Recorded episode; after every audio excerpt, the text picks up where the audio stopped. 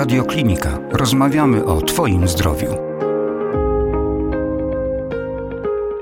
Przed mikrofonem Jakub Śliwiński, kłaniam się bardzo nisko, tu Radioklinika i nasze kolejne spotkanie ze znakomitym gościem, na które serdecznie Państwa zapraszam. 12 dzień maja. Dokładnie tego dnia odbywa się Światowy Dzień Zdrowych Dziąseł, ale i rzecz jasna o tym temacie i o zagrożeniach płynących z zaniedbań w tym obszarze warto pamiętać nie tylko przez dzień, ale przez cały rok. Warto pamiętać przez całe nie tylko dorosłe życie, aby tych problemów uniknąć. I właśnie o jamie ustnej szeroko pojętej będziemy dzisiaj dyskutowali z naszym fantastycznym gościem. Moim i Państwa gościem jest pani profesor Renata Górska, konsultant krajowy w dziedzinie periodontologii, kierownik Zakładu Chorób Błony Śluzowej i Przyzębia Warszawskiego Uniwersytetu Medycznego, prezes Polskiego Towarzystwa Periodontologicznego, a także Amerykańska Akademia Periodontologii. Uf, pani profesor, jestem zaszczycony. Dzień dobry, dzień dobry. Dzień dobry, to ja jestem zaszczycona, że mogę dzisiaj występować u Państwa w radio i oczywiście y, pozdrawiam bardzo naszych słuchaczy. Oczywiście dołączam się do tych e, pozdrowień. Pani profesor na otwarcie naszego spotkania proponuje, abyśmy wyjaśnili słuchaczom radiokliniki, o jakim obszarze dzisiaj będziemy dyskutowali. Choroby przyzębia to nie tylko e, choroby dziąseł, ale to znacznie e, szerszy termin, szerszy temat, także i w tym aspekcie, gdzie problemy rzeczywiście mogą występować. Periodontologia to jest w ogóle taka nauka, która zajmuje się chorobami przyzębia, czyli bardzo często y, zostaje zadane pytanie, co to jest choroba przyzębia. Więc ja mówię, że choroba przyzębia to jest choroba tkanek otaczających ząb, mhm. czyli jedyną tkanką widoczną gołym okiem, czy każdy z nas może zauważyć, to jest dziąsło. Natomiast głębiej tkanki położone, czyli cement, ozębna kość wyrostka zębodołowego, są widoczne tylko na zdjęciu radiologicznym. Ale oprócz tego periodontologia, znaczy zakład mój, który ja tutaj dzisiaj reprezentuję, zakład chorób błony śluzowej i przyzębia, zajmuje się także chorobami błony śluzowej jamy ustnej. Także to jest taka mała dermatologia, można powiedzieć, dlatego że często choroby te, które manifestują się w jamie ustnej, są objawami chorób skórnośluzówkowych, chorób ogólnoustrojowych. Ale rozumiem, że dzisiaj rozmawiamy na temat chorób przyzębia. Najczęściej występującą chorobą y, przyzębia są choroby dziąseł, o których dzisiaj mhm. mówimy. Natomiast wśród chorób dziąseł, znowu, najczęściej występującą jednostką chorobową to jest zapalenie dziąseł związane z płytką nazębną, czyli można powiedzieć popularnie wywołane różnymi zaniedbaniami higienicznymi w jamie ustnej. Albo pacjent niewłaściwie szczotkuje, nieskutecznie, lub po prostu sporadycznie, bo takich pacjentów też mamy, którzy mówią, że raz w tygodniu albo rzadziej to, co pani mówi, robi już na samym starcie e, spore wrażenie. My sobie dzisiaj będziemy oczywiście ten temat rozkładali na czynniki pierwsze, będziemy sobie dyskutowali także i na ten temat, jak ewentualnie możemy zapobiegać tym e, jakże, jakże przykrym e, konsekwencjom. Ale pani profesor, zanim właśnie o szczegółach, no to na razie przejdźmy do statystyk, no bo myślę, że nic tak nie przemawia do słuchaczy jak liczby, jak suche fakty. No a przyznam szczerze, natrafiłem na rozmowę z panią, gdzie te liczby były wprost porażające. No i jeśli mnie pamięć nie myli, a jeśli mnie myli, to proszę mnie poprawić. E, ze statystyk, które wówczas pani przytoczyła, wynika, że tylko 1% Polaków no nie dotyczy ich to zagadnienie, o którym dzisiaj rozmawiamy, czyli 1% Polaków ma zdrowe zęby, ma zdrowe przyzębie i absolutnie tym tematem nie powinno się martwić. Czy to prawda, czy to absolutny fałsz? Jak te statystyki w naszym kraju wyglądają? Więc mm, badania epidemiologiczne prowadzone w Polsce w pięciu dużych ośrodkach akademickich przez periodontologów, chyba pięć lat temu, mhm przymierzamy się teraz, żeby ponownie te badania wykonać, wykazały, że w wieku 35-44 lata ten odsetek osób ze zdrowym przyzębiem był 1,6. Natomiast 0,8 odsetek tych osób w wieku 65-74 czyli wraz z wiekiem odsetek osób zdrowych zmniejszał się. Oczywiście mówimy tu o tym zapaleniu dziąseł, takim mhm. bardzo powszechnym. Natomiast liczba osób, czy odsetek osób wymagających leczenia specjalistycznego, spe, leczenia periodontologicznego, to jest około 20% osób, y, zarówno w wieku 35-44. Ja mówię średnio, bo mhm. ten odsetek wahał się od 16 do 24, nawet muszę powiedzieć, procent w, na województwie mazowieckim, a badania były prowadzone w Warszawie. Więc co tu dużo mówić, ten odsetek jest zdrowych osób niezwykle mały.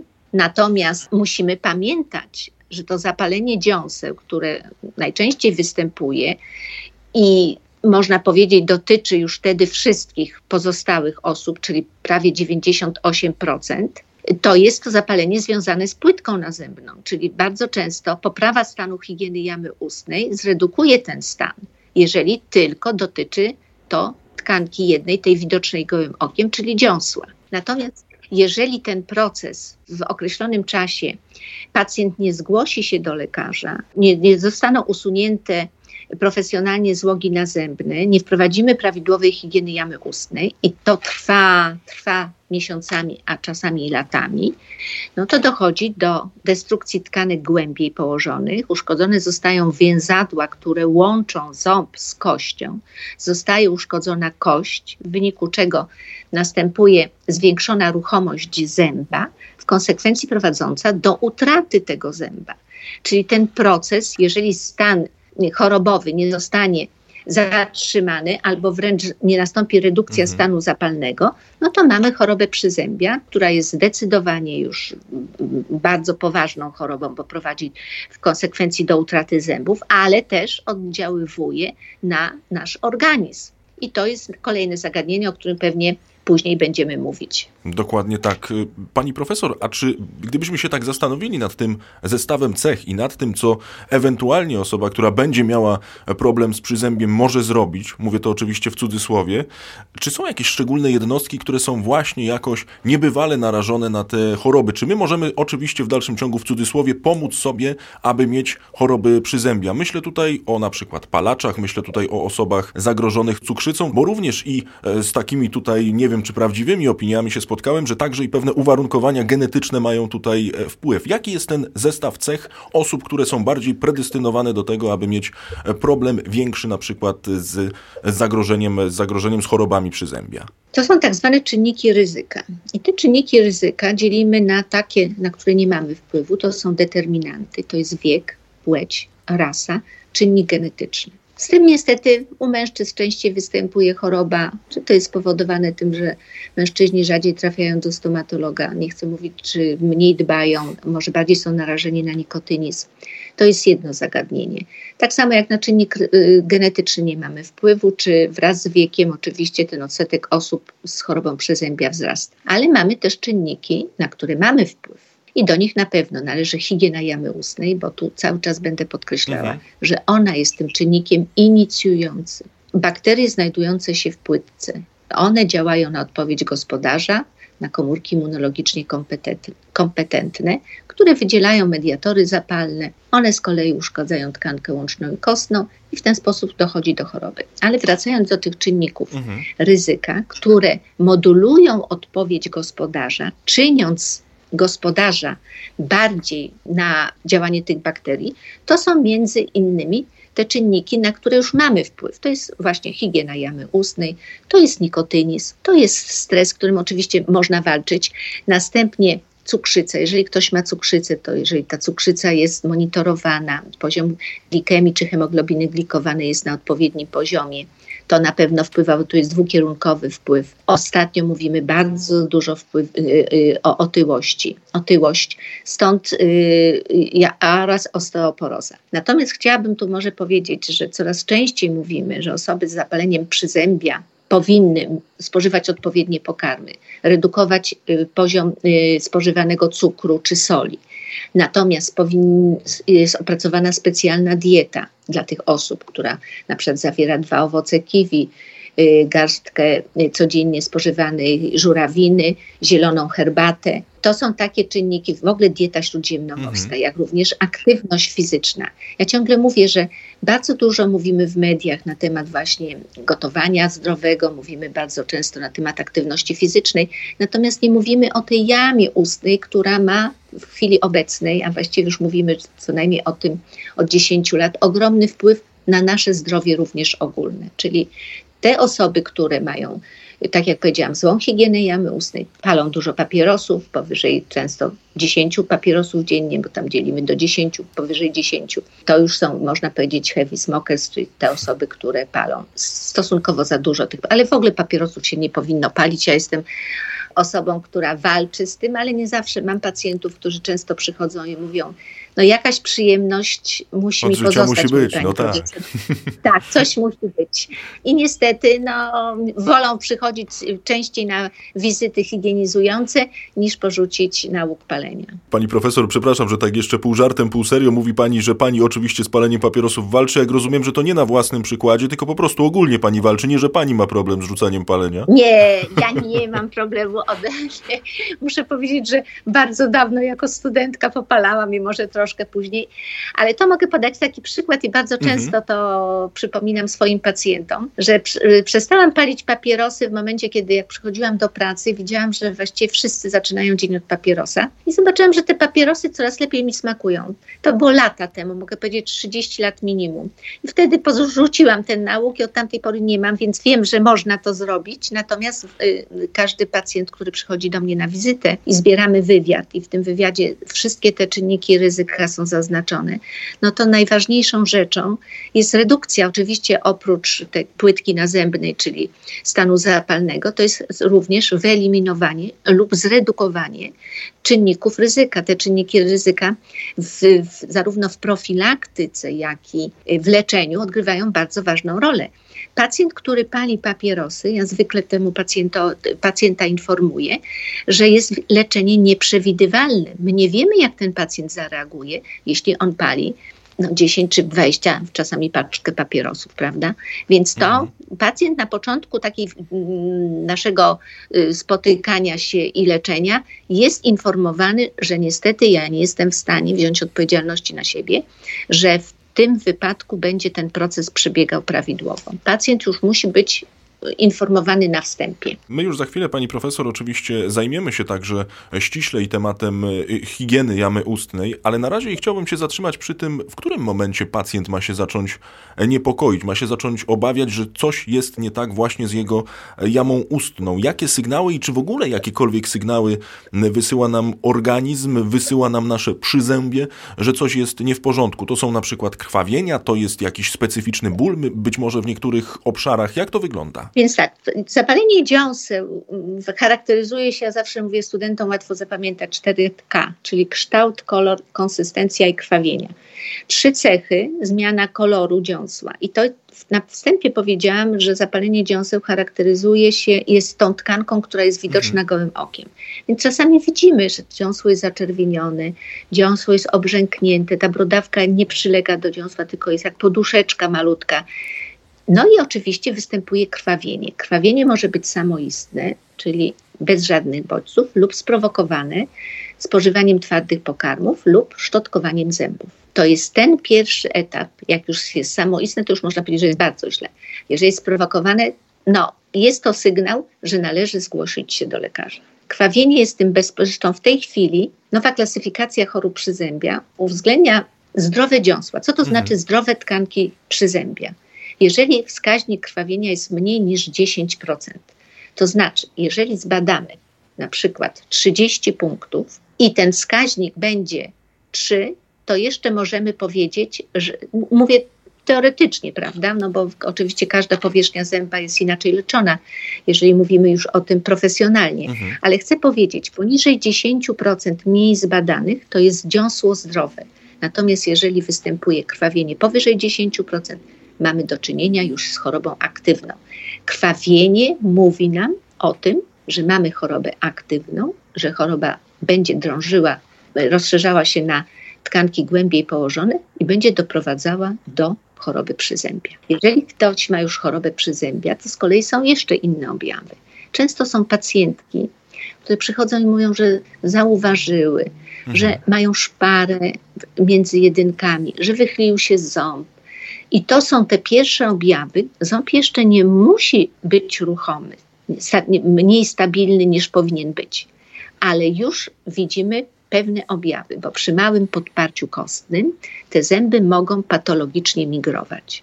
Więc w chorobie przyzębia takim objawem już typowym to jest nieprzyjemny zapach z ust, to jest ruchomość zęba, często powikłania w postaci ropnia, zwłaszcza u osób z cukrzycą na przykład.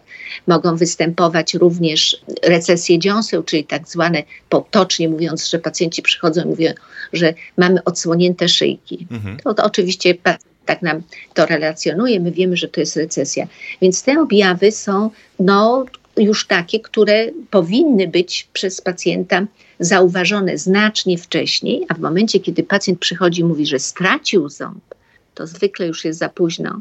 Oczywiście podejmujemy to leczenie dotyczące innych zębów, ale to znaczy, że pacjent się sporo za późno do nas zgłosił na taką wizytę. Pani profesor, przyznam szczerze, że troszeczkę mnie pani tutaj wystraszyła, bo rzeczywiście tych symptomów, tych sygnałów jest bardzo, ale to bardzo dużo, czyli jak rozumiem przed snem, no wypadałoby jednak te swoje zęby obserwować z każdej niemalże możliwej strony. No ale właśnie, żeby to ryzyko, nie powiem, że zmarginalizować, no bo to jest oczywiście trudne zadanie, ale żeby no w jakiś sposób je ograniczyć, no to konieczne są wizyty u e, stomatologów. No i tutaj pytanie, jak wygląda ten okres pomiędzy wizytami? No rzeczywiście e, Polak, nie tylko Polak, człowiek odkłada te wizyty jak tylko może. Sam niestety i na swoim przykładzie wiem, że no trudno się zmobilizować i właściwie nie ma tutaj żadnego sposobu, żeby się zmobilizować, aby do tego stomatologa po prostu samoistnie się wybrać. Jak to ma wyglądać, jeżeli chodzi o ten przedział czasowy? My jak często powinniśmy e, stomatologa e, odwiedzać, no i ewentualnie jakim zabiegom się poddawać? Pani już troszeczkę, a właściwie bardzo dużo powiedziała na ten temat, ale gdybyśmy mogli to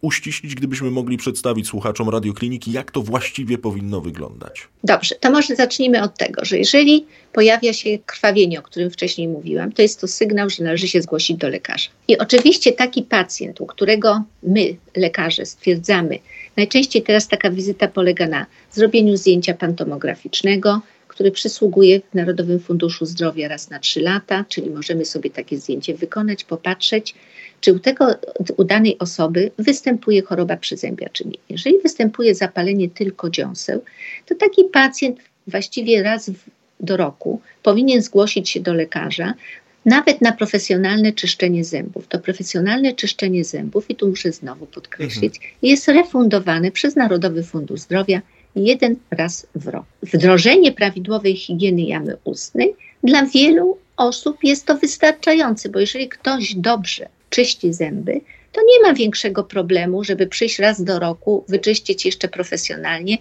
i jest, działa profilaktycznie. Lekarz wtedy stwierdza, czy ma w ogóle chorobę przyzębia, czy nie. Jeżeli nie ma, raz do roku wizyta jest taka wystarczająca.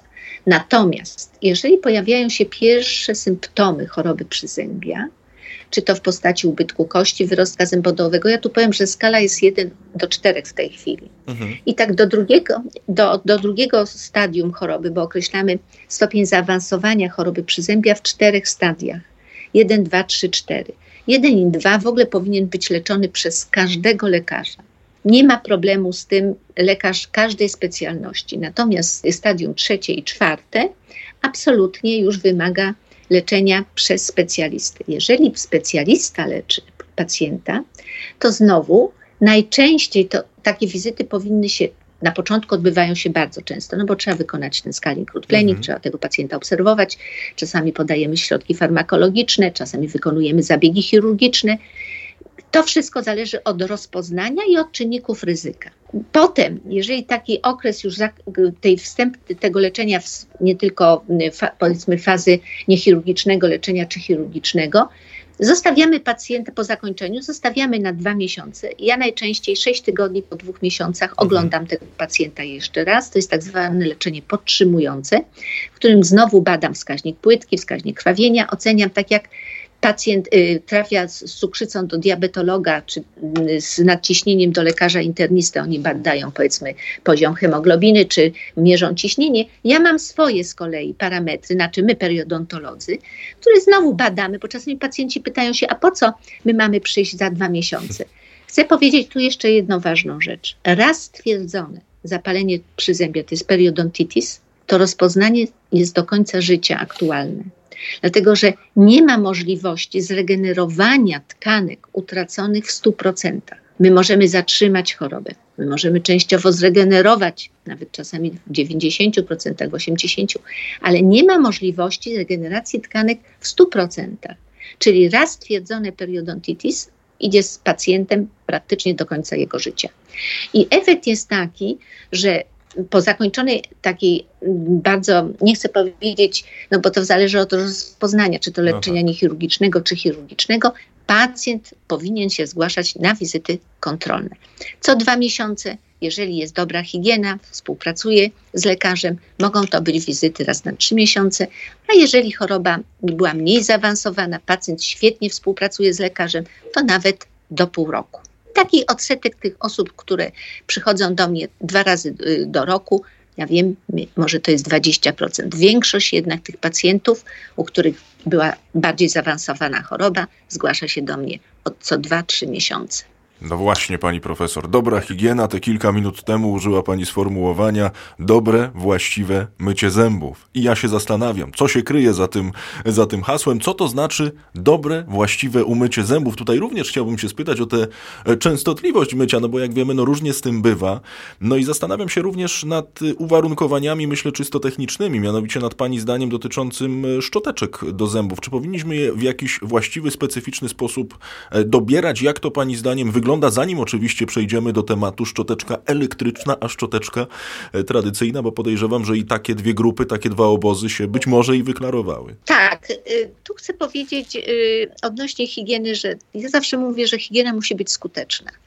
Czyli szczoteczka to jest raz, może być manualna, tu czy musimy od razu to połączyć. Osoba, która sobie nie radzi ze szczotkowaniem zębów szczoteczką manualną, ja daję najczęściej miesiąc takiej osobie. Mhm. Trzy wizyty.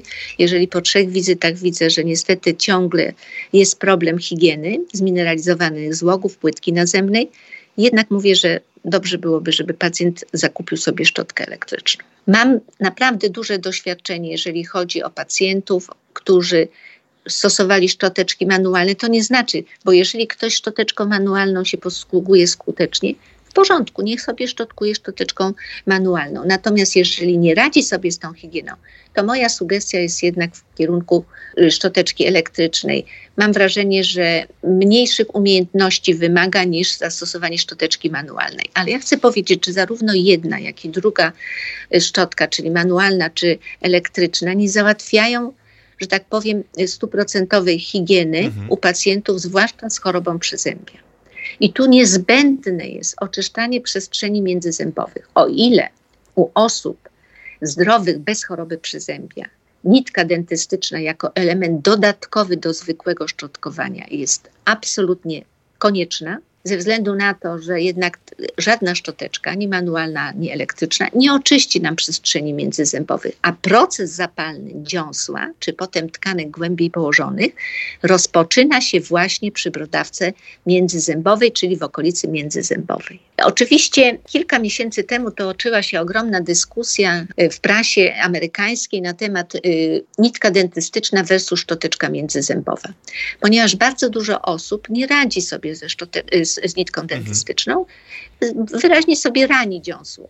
W związku z tym w tej chwili te szczoteczki międzyzębowe, ja jestem fanką szczoteczek międzyzębowych. Ja uważam, że szczoteczka międzyzębowa czasami odgrywa nawet większą rolę. Gdybym miała gdzieś wyjechać i zapomniałam szczoteczki zwykłej, to szczoteczką elektryczną, y, tą szczoteczką międzyzębową jestem w stanie oczyścić przestrzenie, wypłukać i ta higiena będzie zdecydowanie lepsza niż nie zastosowanie szczoteczek międzyzębowych, a zastosowanie zwykłej szczoteczki. Takie jest moje zdanie. Mówię o pacjentach z chorobami przyzębia, u których bardzo ważna jest ta okolica międzyzębowa. Czyli po pierwsze szczoteczka, czy to manualna, czy elektryczna. Po mhm. drugie nitka u osób zdrowych, u osób z chorobą przyzębia, y, szczoteczki międzyzębowe płukanie u osób zdrowych jako profilaktyka, natomiast u osób z zapaleniem przyzębia jestem zwolenniczką już irykacji, waterpików i tak dalej, czyli nie tylko y, redukcji mechanicznej, ale bo oczywiście mechanoterapia jest złotym standardem, ale to zawsze mówimy, że tylko odsetek tych bakterii bakterii ginie. Niektórzy mówią 65, powiedzmy jesteśmy w stanie do 80% usunąć tej mm, płytki bakteryjnej, czy to podczas skalingu na przykład, czy też w higienie domowej. Natomiast zastosowanie środków przeciwbakteryjnych, czy to w postaci płukanek, żelu, jest tym dopełnieniem, czyli tak jak powiedziałam, u mhm. osób zdrowych, gdzie kieszonki są płytkie, płukanie jest wystarczające, ale to płukanie u osób z zapaleniem przyzębia już jest mało efektywne. Tu lepsza jest irygacja. No i oczywiście zastosowanie profesjonalne już różnych środków do kieszonek w przypadku wizyty y, w gabinecie stomatologicznym. Pani profesor, jeszcze chciałbym się na moment zatrzymać przy częstotliwości mycia zębów, no bo oczywiście tutaj także są różne szkoły, rano wieczór, niektórzy po każdym posiłku, tak. nie, niektórzy po kawie. E, jak to wygląda z Pani perspektywy? Jaka jest ta właściwa ścieżka? Ja już wiem, że ta ścieżka musi być właściwa wtedy, kiedy jest wszystko w porządku. Tak, znaczy ja jestem zwolenniczką dwukrotnego mycia zębów, rano i wieczorem, szczotkowania zębów. Rano oczywiście wszyscy się śpieszymy, więc wiadomo, że wykonujemy szczotkowanie, mhm i płuczymy i biegniemy do pracy. Natomiast osoby z zapaleniem przyzębia wieczorem już muszą poświęcić więcej czasu właśnie na oczyszczenie tej przestrzeni zębowej, na te, zastosowanie tego waterpiku, często na wybarwienie złoków nazębnych, bo też mamy przecież tabletki do wybarwiania. Jeżeli pacjent sobie nie radzi, to prosimy, żeby on zastosował te, y, te tabletki czy płyn do wybarwiania y, płytki nazębnej w obrębie zębów i żeby dodatkowo jeszcze raz zastosował szczotkowanie. Ja nie jestem zwolenniczką, że po każdym posiłku biegniemy ze szczoteczką do łazienki i wykonujemy toaletę jamy ustnej. Jest to uciążliwe. Poza tym, tak jak mówię, jeżeli stosujemy takie skuteczne szczotkowanie, to proszę mi wierzyć, i pasty, i płyny dają tą gwarancję y, zmniejszonego odkładania płytki nazębnej od 8 do 12 godzin. Czyli jeżeli rano wyszczotkujemy i wieczorem wyszczotkujemy świetnie, to naprawdę nie ma problemu z higieną jamy ust. Pani profesor, bo teraz akurat przyszło mi jeszcze do głowy jedno pytanie, więc jeśli mógłbym i gdybyśmy mogli uzupełnić tę wiedzę, czy osoby, które e, w jakikolwiek sposób próbują poprawić swoje uzębienie, myślę tutaj o osobach z aparatami na zębach, czy to aparatami stałymi, czy to tymi na przykład zakładanymi na noc, czy one są w jakiś szczególny sposób narażone na choroby przyzębia, czy mają jeszcze z bardziej, ze szczególną uwagą zważać na to, aby rzeczywiście jakimkolwiek schorzeniom e, zapobiegać? Zapobiegać, czy absolutnie tutaj ta e, sytuacja jest tożsama, taka sama i e, te, te zasady, o których cały czas tutaj mówimy, są również i takie same dla osób z różnego rodzaju aparatami? To znaczy, z aparatami stałymi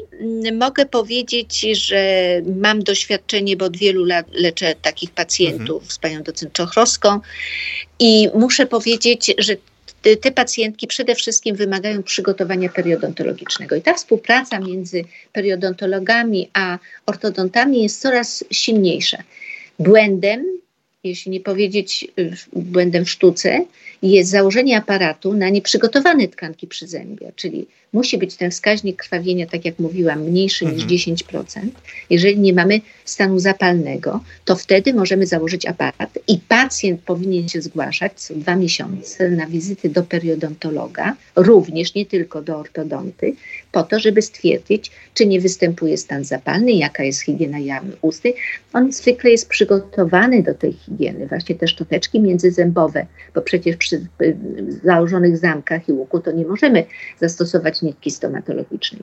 Natomiast y, szczoteczki międzyzębowe specjalnie przygotowane y, do, do tych y, inne akcesoria do usuwania płytki nazemnej u osób z aparatem, no, wymagają tylko dodatkowej pracy. Oczywiście bardziej, yy, znaczy są to bardziej yy, pracochłonne i czasochłonne, w ten mhm. sposób bym powiedziała. Natomiast jeżeli pacjent jest przygotowany, tu muszę podkreślić, dlatego że leczenie ortodontyczne u osób z zapaleniem przyzębia naprawdę wymaga wiedzy zarówno ze strony periodontologa, jak i y, ortodonty, żeby też pacjentowi nie zrobić krzywdy i w bardzo zaawansowanej chorobie przyzębia nie stracić tych zębów. Pani doktor, zanim przejdziemy sobie do korelacji na linii zęby, a reszta naszego organizmu, że tak to, e, że tak to nazwę, no to czy jeszcze są jakieś na przykład domowe sposoby na to, aby zwalczać, może nie tyle zwalczać, ale troszkę umniejszać ryzyko i umniejszać to, co dzieje się w przypadku chorób przyzębia, no bo również trafiłem na jedno ze sposobów leczenia domowego, mianowicie jedzenie czosnku. Czy to również jest mit, który absolutnie należy obalić? No i pytanie, ile jest jeszcze takich przekonań wątpliwych, o których należy mówić i których absolutnie należy nie stosować, nie praktykować. Słyszę tu o czosnku. Czasami pacjentki mówią o oleju stosowanym, że, zwłaszcza te, które y, obaczone są nikotynizmem. Ja powiem tak, y, ja jestem jednak zwolennikiem wiedzy opartej na faktach. W związku z powyższym, nie zabraniam. No, oczywiście mhm. czosnek, ja uważam, że czosnek ma w ogóle bardzo duże znaczenie, jest naturalnym antybiotykiem w przeziębieniu, w różnych infekcjach. Natomiast no, trzeba pamiętać, że czosnek też jednak jak pacjent przychodzi po czosnku do lekarza, no to teraz jesteśmy w maskach, to pół biedy, ale jeżeli ktoś ma wersję na temat, na sam zapach czosnku, no to, to, to jest takie problematyczne. Tak jak mówię, być może sam czosnek, ja jestem raczej zwolenniczką probiotyków, jeśli już mówimy o takich powiedzmy niedomowych, no bo to nie mhm. jest probiotyk, to nie jest domowy, ale na przykład o diecie, o której powiedziałam, czyli to, co zostało opracowane przez Włochów, opublikowane w Journal of Periodontology, oparte na badaniach naukowych, redukują y, poziom mediatorów zapalnych, y, cholesterol, także nadciśnienie właśnie y, owoce kiwi. Mówię tu o owocach, dlatego że one zawierają bardzo dużo witaminy C, ale ta żurawina do tego, do tego zielona herbata, no są badania prowadzone, wykazały one, więc ja polecam to. Natomiast Czosnek, no tak jak powiedziałam, czosnek sama stosuję w momencie, kiedy jestem przeziębiona i uważam, że w pierwszej fazie bardzo dobrze działa. Niekoniecznie musi być zastosowany antybiotyk yy, farmakologicznie, więc nie mam tutaj żadnych, że tak powiem, sugestii, żeby go nie stosować. Natomiast nie ma też takich badań, Y, oczywistych, y, żeby one potwierdzały skuteczność w leczeniu choroby przyzębia. W chorobie przyzębia najważniejsze jest usunięcie, redukcja bakterii poprzez mechanoterapię i środki przeciwbakteryjne i środki wspomagające. Do środków wspomagających będą należały m.in. probiotyki, możemy zastosować witaminę D, która jest bardzo potrzebna w metabolizmie kości. Działa nienasycone kwasy tłuszczone, wielonienasycone, więc y, tutaj te preparaty no, jako też oddziaływujące również na nasz organizm. Pani, pani profesor, zatem wracamy już do stanu zapalnego przyzębia, wracamy do chorób e, związanych e, z tym zagadnieniem. Proszę mi powiedzieć, jaki ono ma wpływ na naszą odporność? Czy tak jak powiedziałem, te problemy z zębami, czy problemy e, z przyzębiem, one także korelują z innymi elementami naszego organizmu, na przykład wpływają niekorzystnie, dajmy na to, na pracę jelit? No i tutaj również takie analogiczne, odwrotne pytanie.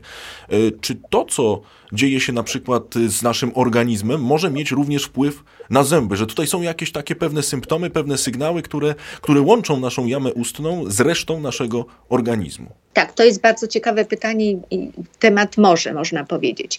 Bo po pierwsze, y, na pewno y, Państwo już słyszeli jakieś no, dwa lata temu właściwie odbył się taki workshop periodontologów z kardiologami w ubiegłym roku z okazji Dnia Zdrowych Dziąseł, który miał miejsce w maju ubiegłego roku. Mówiliśmy właśnie na temat niezależnego czynnika ryzyka, jakim jest zapalenie przyzębia na choroby sercowo-naczyniowe. I tu mogę powiedzieć, czytaj udar mózgu i zawał mięśnia sercowego to już jest niezależny czynnik, tak jak nadciśnienie, otyłość, zespół metaboliczny i inne.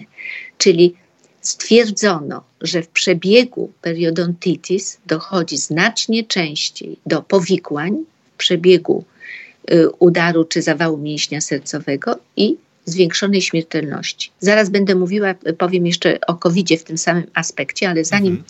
powiem o chorobie covidowej, to jeszcze chciałabym nawiązać do tych chorób sercowo-naczyniowych. O nich się mówiło już bardzo, bardzo dawno. Pamiętam, jakieś 10 lat temu byłam w Stanach na sympozjum Amerykańskiego Towarzystwa Periodontologicznego i tam taki guru, można powiedzieć, kardiologiczny, profesor Reader. On powiedział, że konieczne są badania na kilku tysiącach osób, żeby stwierdzić, że rzeczywiście zapalenie przy przyzębia jest niezależnym czynnikiem ryzyka. To zostało potwierdzone w tej chwili przez ten zespół, który miał miejsce dwa lata temu. Czyli niezależny czynnik ryzyka na sercowo-naczyniowe choroby. Druga rzecz, udowodniony wpływ dwukierunkowy, jeśli chodzi o cukrzycę. Osoba, która ma cukrzycę, ma niewydolność nerek, to znowu choroba przyzębia może spowodować większe powikłania i zwiększyć śmiertelność. To mamy kolejną chorobę. Y, wczesny poród i niska waga urodzeniowa. To też właściwie są już badania, które wskazują na jednoznaczny wpływ. Tutaj mówi się o takiej bakterii Fusobacterium nucleatum, które znaleziono u matki w jamie ustnej, ale także potem w wodach y, płodowych w czasie ciąży, kiedy badano y, pacjentkę po ciąży, ale także u jej partnera, czyli transmisja tego, tej bakterii była z, między matką a partnerem, a także między matką a noworodkiem.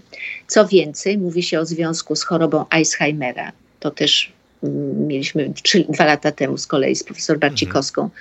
Zaprosiliśmy na nasze obchody Dnia Zdrowych Dziąseł i znowu tutaj mówiliśmy o innej bakterii, Perforamonas gingivalis. Jest to główna bakteria związana z przyzębiem, a znaleziono ją również w płynie mózgowo-rdzeniowym i w mózgu osób chorych na Alzheimera. No i ostatnie badania, które wskazują, że osoby, które y, mają zapalenie przyzębia, mają 3,5 raza większą, częściej wymagają hospitalizacji, jeżeli mają COVID, i 4,5 raza y, częściej mają większy, y, cięższy przebieg z powikłaniami, a około dziewięciokrotnie wzrasta śmiertelność, proszę Państwa śmiertelność w przebiegu COVID-u, jeżeli ktoś ma zapalenie przyzębia. Oczywiście to zapalenie przyzębia, y, tak jak powiedziałam, ma skalę od 1 do 4, w związku z tym mhm. mówimy tutaj już najprawdopodobniej o bardzo zaawansowanym stanie tkanek przyzębia, z dużą destrukcją zarówno kości, jak i włókien zębnej,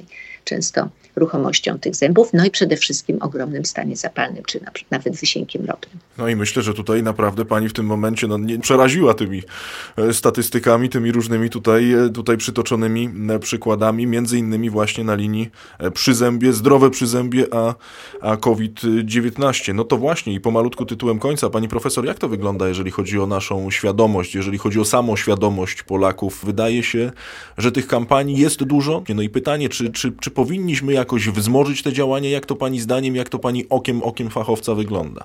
Ja myślę, że dobrze to nie jest w dalszym ciągu. Patrząc na pacjentów, którzy przychodzą do nas do zakładu chorób śluzowej przyzębia Warszawskiego Uniwersytetu Medycznego, naprawdę ten stan, zwłaszcza osób po 50 roku życia czy po 60 roku życia, to stan tkanek przyzębia, liczba zębów zachowanych, często naprawdę jest dramatyczna.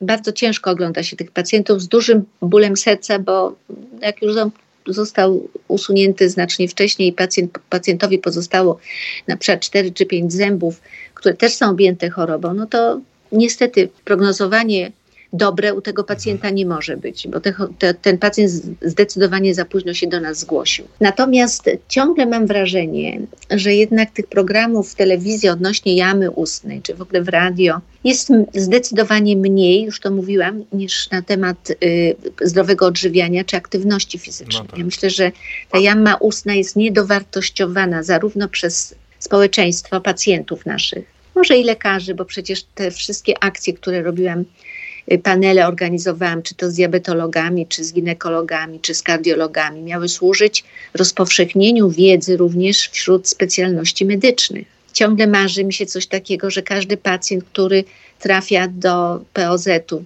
Państwowej Opieki Zdrowotnej, że na wstępie powinien powiedzieć, zapytać lekarz, czy ma dolegliwości ze strony jamy ustnej, kiedy był u dentysty.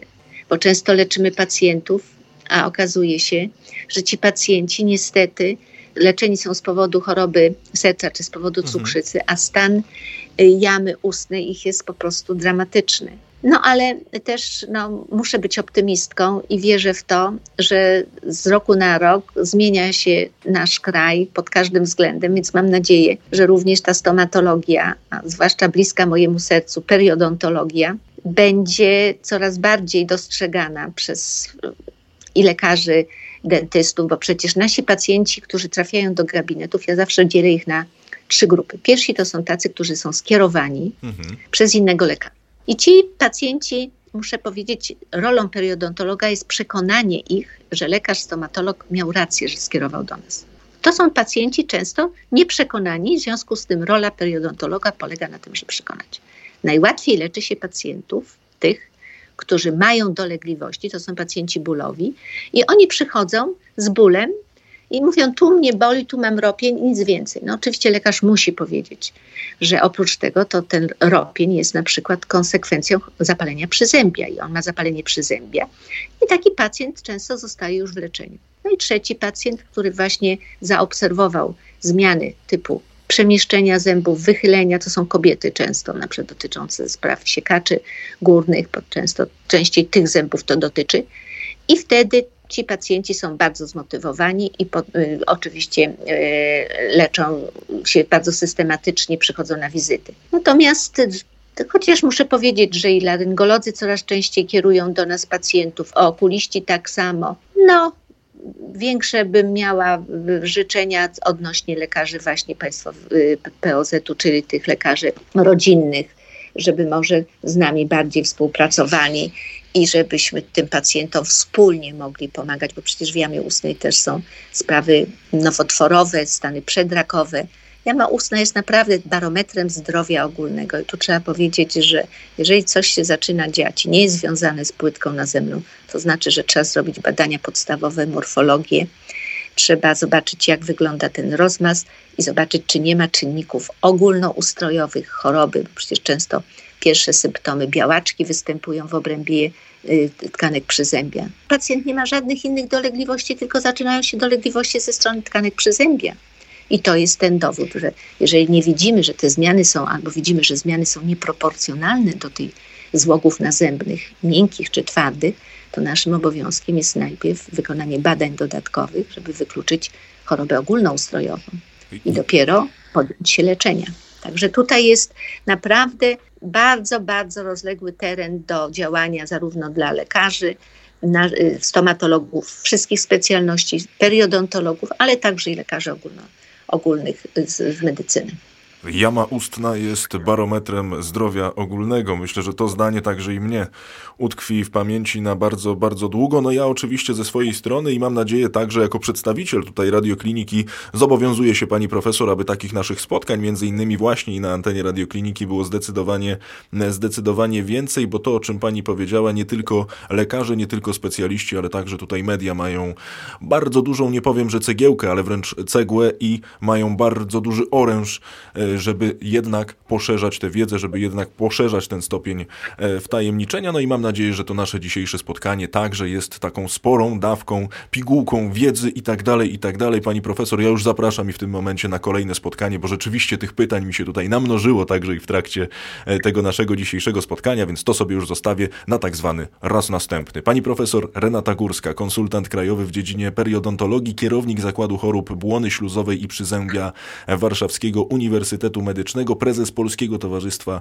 Periodontologicznego, Amerykańska Akademia Periodontologii była moim i Państwa gościem na antenie radiokliniki. Pani profesor, to była ogromna, wielka, niekłamana przyjemność. Bardzo, bardzo serdecznie dziękuję. Ja też bardzo dziękuję. Życzę Państwu miłego dnia i wszystkiego najlepszego i będę bardzo wdzięczna, jeżeli rzeczywiście Państwo będziecie mówić na temat zdrowia jamy ustnej w kontekście właśnie tego barometru zdrowia ogólnego. To jest naprawdę bardzo istotny temat na dzisiaj.